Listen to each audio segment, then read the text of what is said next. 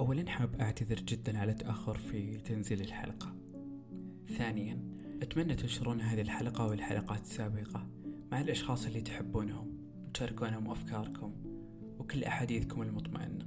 انشروها في كل الأماكن. نكبر ونتوسع معكم. وأشكركم سابقا ولاحقا والآن. أشكركم دائما على الاستماع. تخصصك مجالك. شغفك كل ما تملك ما عادت تشيلك أقدامك له ولا عادت أناملك تقوى على إنجازه. تستيقظ وأنت تجر جسدك مثقل بأحمالك. أنت اللي كنت تقفز بخفة تسبق خطاك تتسابق المقر عملك. إيش اللي تغير؟ كأن الدنيا تراكبت على ظهرك. مهامك المتراكمة هو قهوة الصباح. وعتب من تحب. ريح أطفأت شعلتك. نفس الروتين كل يوم ولكن خطاك تتثاقل روحك المجهدة تصبح مرهفة أكثر. تتنرفز من أبسط الأشياء وتصرخ غاضب. تصرخ غاضب لأن الشاهي ما في نعناع. وش اللي وصلك لهالمرحلة؟ وش اللي واقف على طرف ثوبك؟ الغضب اللي يعتريك عمره ما كان سببه لحظي. كانت التراكمات هي السبب. روحك مجهدة والاحتراق أفقدك الإحساس بمتعة الحياة. الروتين اللي تعتقد أن الشيء الوحيد اللي يلاقي يمشي بمساره الصحيح أحيانا يكون هو سبب ستار الليل اللي ينسدل في عز نهارك. الروتين اللي يفرض عليك تصرفات الآلة هو اللي أفقدك حقيقية المشاعر وأصالة الإحساس. نماذج حية على واقعنا. ما شفنا أن ورودهم تفتحت إلا بعد خطوة التغيير التغيير اللي اتخذوه في سبيل الوعي الوعي من إيش؟ وش اللي وراء هذا كله؟ هل وقفت مرة وفكرت؟ إيش تغير بشخصيتك؟ بروتينك؟ إيش تغير بالعالم؟ خلني أحدثك اليوم عن الموت البطيء اللي يسلب منك حبة حبة السبب وراء غضبك اللامبرر وعصبيتك السريعة ونفورك وكرهك لأحب الأعمال لقلبك. كم مرة دخلت الكوفي صغير تسمع فيه صوت الهدوء من شدة السكون وتلقى أشخاص جالسين قدام أجهزتهم؟ كم مرة كنت في مقهى الضجيج فيه يخترق أفكارك ولا زلت ترى هذاك الشخص الوحيد في الزاوية يشتغل يدرس أو حتى يتابع. الاحتراق الوظيفي لحظة صمت. لحظة صمت لأني أشعر بالحريق وكأن العالم من حولي يشتعل وعشاني أحب الأرقام في دراسة شملت 1500 شخص في سنة 2021 تقول إن أكثر من النصف كانوا يعانون من الاحتراق الوظيفي كيف يحدث الاحتراق الوظيفي؟ إيش أهم العلامات اللي لازم ننتبه لها؟ تؤثر المواقف السيئة والضغوط في العمل بشكل خطر تدريجيا على مستوى إنتاجك وأدائك تكبح طاقتك وإيجابيتك بدون ما تحس. وبكل تأكيد هذا التحول يصير معك لبيتك أفكارك أو حتى جسدك اللي يحترق. تنخفض مع الوقت طاقتك وتحس الدنيا تراكبت على ظهرك. وتبدأ تشوف إن جهودك ما تمثل شيء كلها بالنسبة لك سراب. ضعف اتكالية ثقة المدير سوء تفويض ضعف التكامل الإداري يضيق مساحات التميز والفرص ويخلي الموظفين على هامش الانتظار. مو للشغل للأسف إن للراتب لأن خلاص هذا الشيء اللي يبقيهم في دائرة السعي ويعطيهم أمل للانتظار مثل النظر للساعة باستمرار وتنتظر وقت الانصراف وتعيد السلسلة نفسها كل يوم وتنتظر الخلاص من هذا الجحيم المتكرر. في تعريف عديدة للاحتراق الوظيفي؟ ولكن بتعريفي أنا وهو أن يتحول الإنسان داخل منظمة العمل إلى جثة مشتعلة ورمادها يتناثر على الأرض.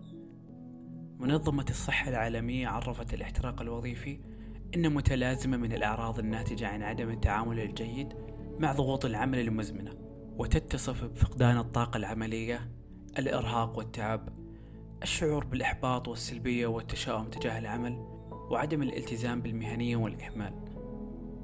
نتائجه وخيمة وتأثيره مخيف. الاحتراق الوظيفي يوصلك لمرحلة تكون فيها متبلد. غير مبالي. متبلد بدون شعور. ما فيك حيل ولا طاقة. متعب. تفقد الحماسة للإبداع والابتكار. متشتت. وغيرها أكثر مما تتخيل. ولا أقدر أتخيل كيف بتكون حياتك وأنت مشتعل. بالمعنى الحرفي قاعد تحترق. المشكلة مو في الاحتراق المشكلة كيف تطفئها. تعرف لما تنشب حريقة وتحط عليها ماء ويزود اشتعالها أكثر؟ هذا بالضبط اللي يصير مع الفرد خلال الروتين اليومي من عمله واقعه عائلته وإلى آخره. كلها طرق سائلة تزيد من هذا الاشتعال. ولا أحد يقدر يفهمك يفهم التحول والإختلاف اللي صرت عليه. ما هو منطقي إنسان بشوش تحولت وجهات الطريق ثقيل؟ يجر نفسه لين يوصل. للأسف إن الأمر بيكون أكبر. بيجي يوم بيحترق تماما ويتلاشى كأنه رماد. بيجي يوم يحترق تماما ويتلاشى كأنه رماد. أعرف إنها مبالغة لكن هذا الوصف الحرفي الدقيق لشخص عالق في دوامة مؤلمة عنوانها الاكتئاب. تبدأ تجمع رمادك وتحاول تكون جسد وتصلح هذا التفتت. وللأسف يمكن ما تزبط من أول مرة. يمكن تمر نسمة هواء ولكنها مسمومة. تعيد تشكيل رمادك وتتناثر على الأرض. كأنك في سيناريو ينعاد كل لحظة. أتصور الاحتراق بعدة صور. لكن ماذا بعد؟ كيف ارتباطك بالعمل؟ الكوفي اللي كنت تروح له دائما تربطك فيه ذكرى مؤلمة. ما هو مثلا انفصال عاطفي؟ ولا شيء من هذا القبيل. الأمر أكبر من كذا ولا تتصور أثره. كيف نربط أنفسنا بالعمل؟ ومين إحنا بالعمل وبدون العمل؟ أكيد إنك عشت لحظة من اللحظات أخذت إجازة أو حتى لو كنت طالب في إجازة صيفية. تبدأ تشعر بالتلاشي وكأنك مفقود. ما تعرف مين أنت ولا إيش تسوي. وأكيد هذه الأفكار يتخلخلها أسئلة مليانة قلق. مين أنا؟ وش قاعد أسوي بحياتي؟ وش أنا خارج الدوام؟ إيش قاعد أسوي بالحياة؟ إيش قاعد أكابد فيه؟ بالضبط هذا الشعور اللي أقصده. انفصالنا عن عملنا لما نشعر بأن حياتنا بدون العمل ما تسوى شيء. ونتوه وندخل في دوامة لما نفكر نسوي شيء نحبه نرفه عن أنفسنا أو أي شيء من هذا القبيل. بنشعر بالخواء بالوحدة بالانفصال. الموضوع يؤلم ويأرقني جدا كيف تحولنا الأشخاص وجودنا الوحيد هو العمل؟ ذاتنا متعلقة بوجود العمل. وبدونه حنا بدون قيمة.